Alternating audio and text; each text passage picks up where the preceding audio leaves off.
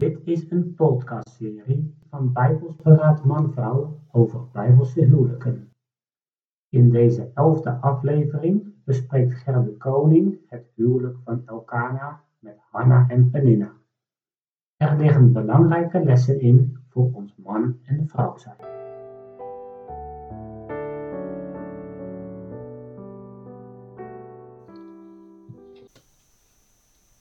Over het huwelijk van Elkana en Hanna lezen we in 1 Samuel 1. In vers 1 staat: Er was een man uit Ramathaim Zofim uit het bergland van Ephraim en zijn naam was Elkana.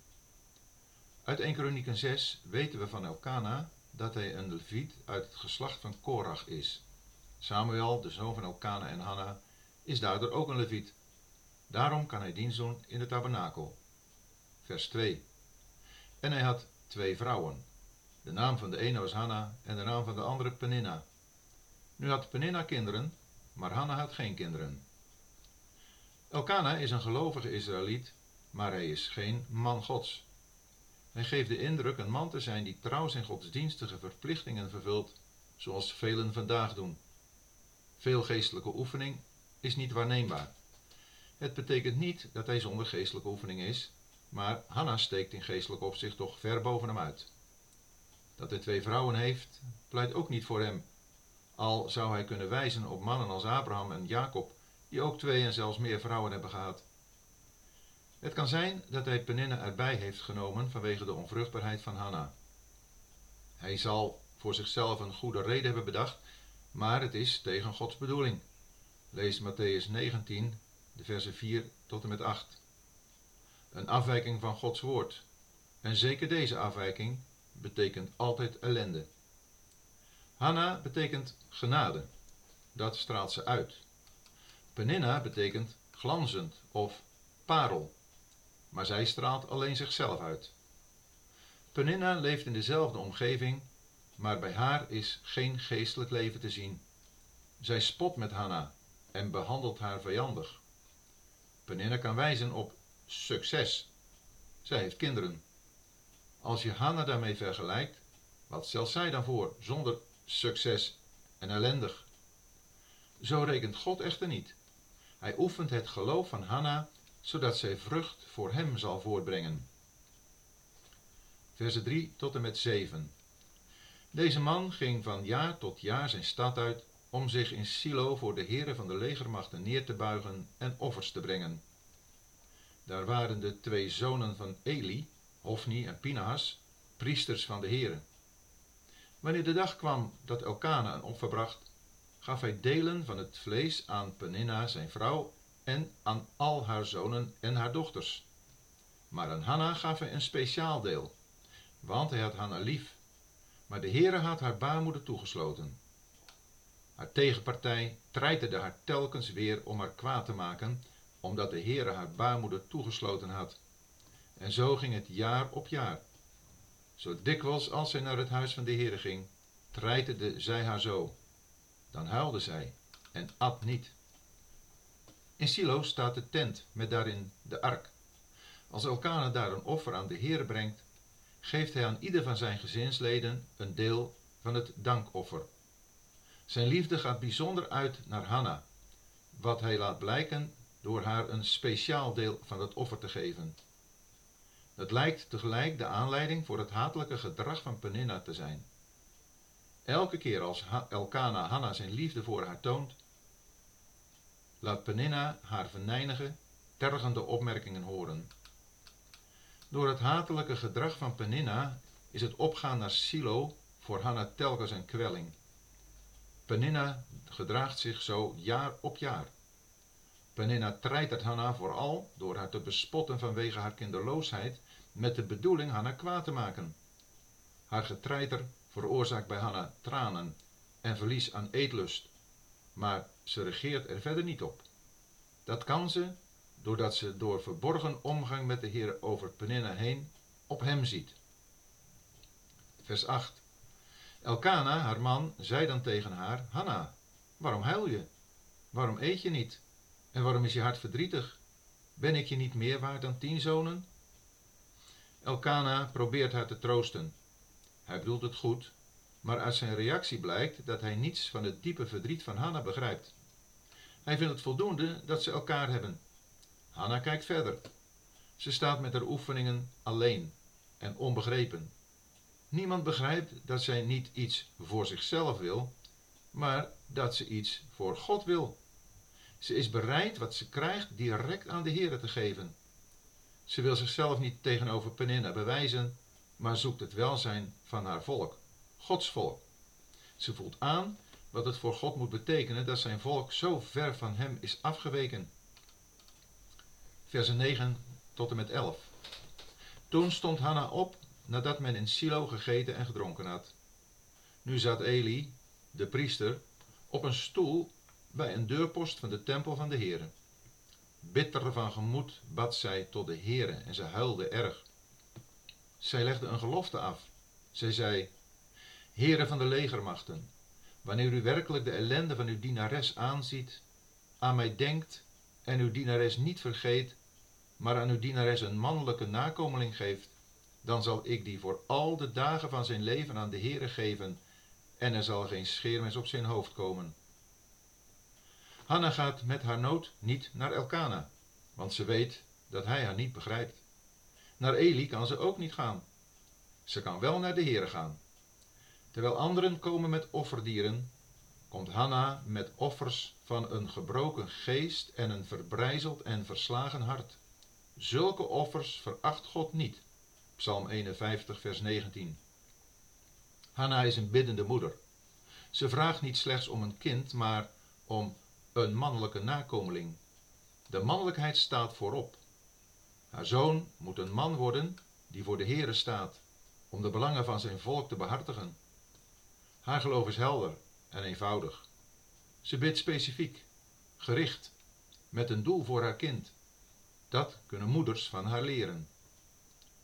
Versen 12 tot en met 16. En het gebeurde toen zij lang bleef bidden voor het aangezicht van de Heere, dat Eli op haar mond lette. Want Hanna sprak in haar hart, alleen haar lippen bewogen, maar haar stem werd niet gehoord. Daarom hield Eli haar voor dronken. En Eli zei tegen haar, Hoe lang zult u zich nog dronken gedragen? Ontdoe u van uw wijn. Maar Hanna antwoordde en zei, Nee, mijn heer, ik ben een diep bedroefde vrouw. Ik heb geen wijn of sterke drank gedronken, maar ik heb mijn ziel uitgestort voor het aangezicht van de Heere. Houd uw dienares toch niet voor een verdorven vrouw, want vanwege de veelheid van mijn gedachten en mijn verdriet heb ik tot nu toe gesproken. Hanna bidt intens en lang, omdat haar verdriet en nood groot zijn. De hoge priester Eli behandelt haar onbarmhartig, terwijl hij juist als hoge priester barmhartig zou moeten zijn. Hij breekt op brute wijze haar gemeenschap met de Heere af. Hij bewijst zijn onbekwaamheid als hoge priester door een biddende vrouw voor een dronken vrouw te houden. Hij is blijkbaar meer gewend aan dronken dan aan biddende vrouwen. Hanna is hier de ware priester die bidt voor het volk. Zij is in de ware priesterlijke gezindheid, want haar verlangen is dat het volk terugkeert naar God. Daarom bidt zij om een mannelijke nakomeling. Haar reactie op de beschuldiging is zachtmoedig en mooi. Ze richt zich tot Eli met het respect dat hem vanwege zijn leeftijd en functie toekomt. Ze gooit hem niet voor de voeten dat hij eerst maar eens orde op zaken moet stellen in zijn eigen huis, voordat hij anderen hard beschuldigt en veroordeelt. In plaats daarvan buigt ze zich voor hem. Het enige wat ze doet, is haar gedrag verklaren en daarvoor begrip vragen. Versen 17 en 18. Toen antwoordde Eli en zei: Ga in vrede. En de God van Israël zal u geven wat u van hem gebeden hebt. Zij zei: Laat uw dienares genade vinden in uw ogen. Vervolgens ging de vrouw haars weegs. Zij at weer en haar gezicht stond bij haar niet meer als voorheen. Ondanks de onbekwaamheid en het onbegrip van Eli, gebruikt God hem om Hanna toe te zeggen dat de God van Israël haar zal geven wat ze van hem heeft gebeden. Hanna gelooft wat Eli tegen haar zegt.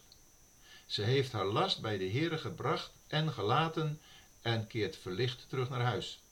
Haar gebed heeft haar veranderd. De oefeningen van Hanna zijn een grote bemoediging voor allen die in geestelijke nood zijn vanwege de slechte toestand van Gods gemeente. We kunnen jarenlang een diepe, scherpe pijn voelen, een verlangen van het hart dat maar niet vervuld wordt, een teleurgesteld hopen. Als het de uitwerking heeft die het bij Hanna heeft, leren we door deze omstandigheden hoe er moet worden gebeden. Versen 19 en 20. Zij stonden s morgens vroeg op, bogen zich neer voor het aangezicht van de Heere, keerden terug en kwamen aan bij hun huis in Rama. Elkana kwam bij zijn vrouw Hanna en de Heere dacht aan haar. Het gebeurde na verloop van dagen dat Hanna zwanger werd. Zij baarde een zoon en gaf hem de naam Samuel, want, zei ze, ik heb hem van de Heere gebeden. Als Elkana en zijn gezin klaar zijn met offeren, gaan ze weer naar huis. Ze hebben een lange reis voor zich, maar ze willen niet vertrekken voordat ze als gezin hebben aanbeden. Het is een voorbeeld voor ons persoonlijk en als gezin.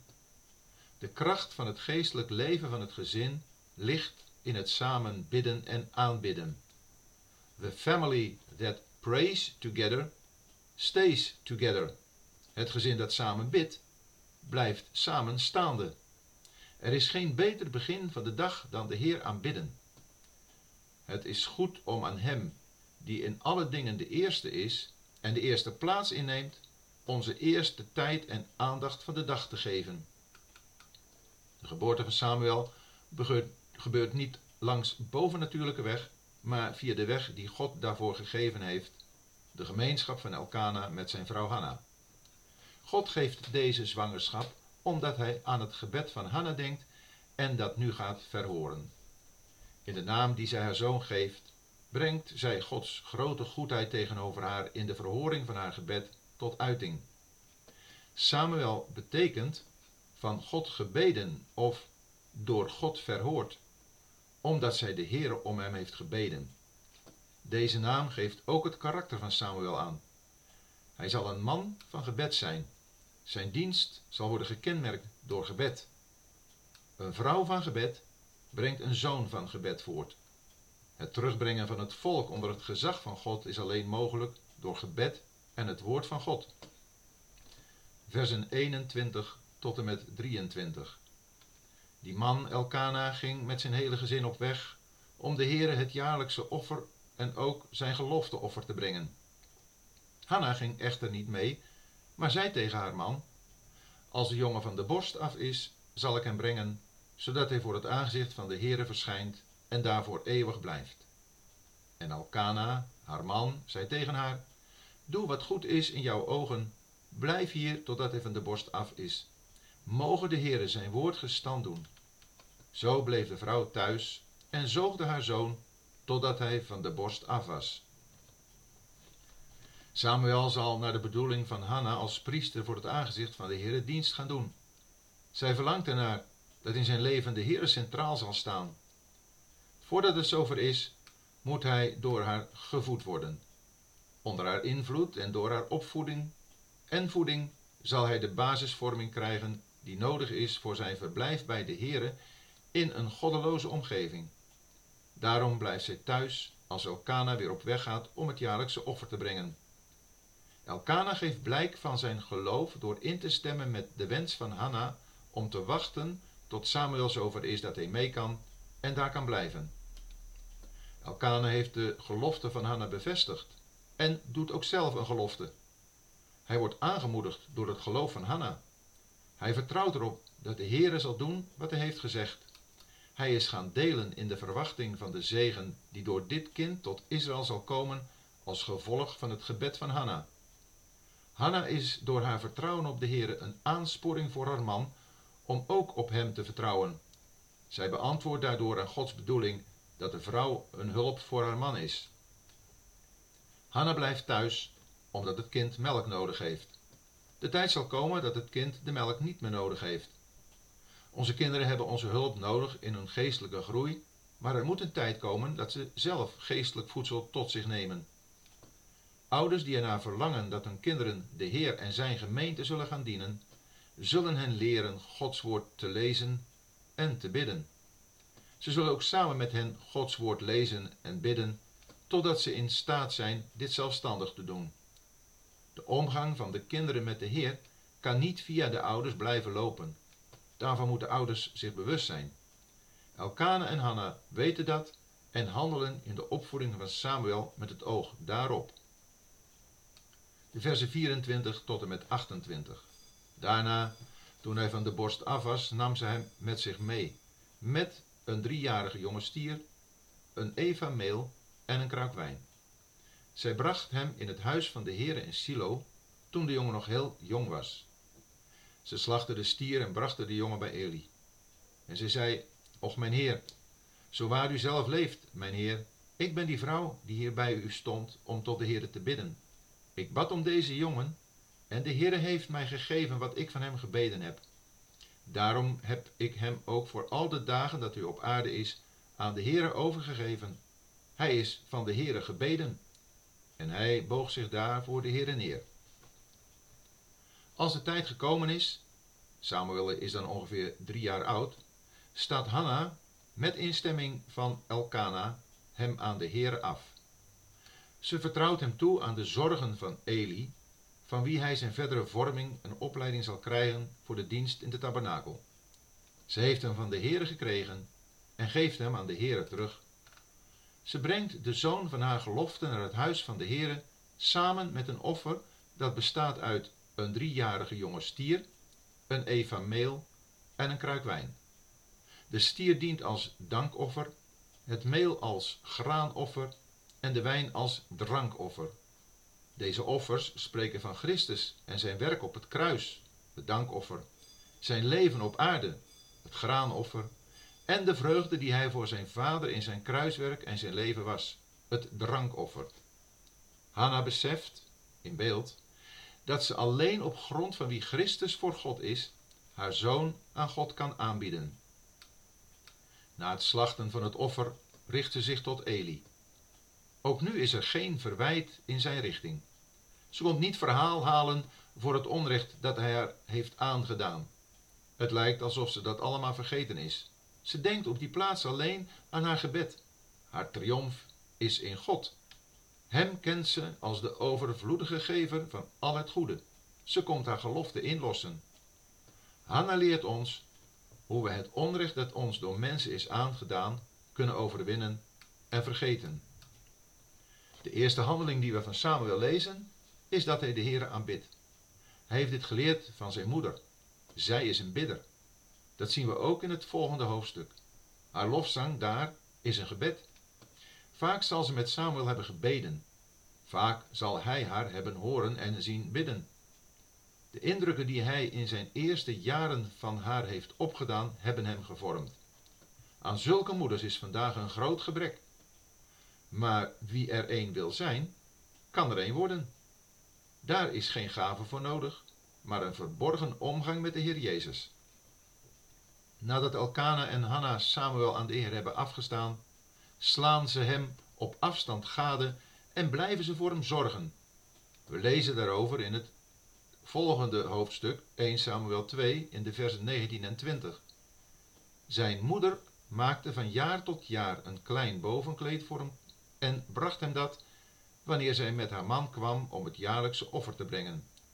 Dan zegende Eli Elkana en zijn vrouw en zei, Mogen de Heere u nageslacht geven uit deze vrouw, vanwege dat wat zij de Heere gebeden heeft. Vervolgens gingen zij weer terug naar zijn woonplaats. Elke keer dat Hanna, Elkana en Hanna het jaarlijkse offer gaan brengen, neemt Hanna een klein bovenkleed voor Samuel mee. Dit betekent dat Hanna bezig is met de groei van Samuel. Elk jaar neemt ze de juiste maat mee. Ze kent zijn groei. Kennen wij de geestelijke groei van onze kinderen? Voor elke geestelijke leeftijd moeten ouders iets hebben dat aansluit bij hun groei naar geestelijke volwassenheid. Hanna is steeds bezig met de kleding van Samuel. Zo is een moeder steeds bezig met de vorming van het karakter van haar kinderen, vooral door haar voorbeeld. De kinderen zien hoe zij zich gedraagt, wat ze zegt en hoe ze iets zegt, en ook hoe haar omgang met de Heer is. Dat blijft gelden, ook als de kinderen de deur uit zijn. Vaders en moeders doen er goed aan om aan de Heer te vragen om hen te helpen dat ze trouw aan Hem blijven zolang ze leven en daarmee hun kinderen tot een voorbeeld blijven tot het eind van hun leven op aarde. Als je meer wilt weten over het Bijbelse huwelijk, verwijs ik je graag naar mijn boekje Het huwelijk in ere, dat je op mijn website www.kingcomments.com kunt lezen. Je kunt ook naar mijn YouTube-kanaal Gerde Koning gaan, waarop twee videolezingen over liefdesrelatie, huwelijk en gezin staan.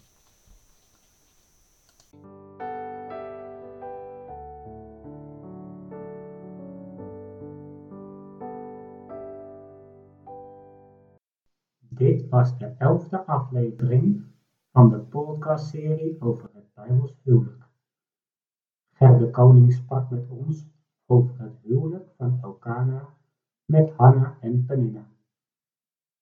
In de volgende aflevering gaat dominee Kiviet in op het huwelijk tussen David en Bathseba. Bedankt voor het luisteren.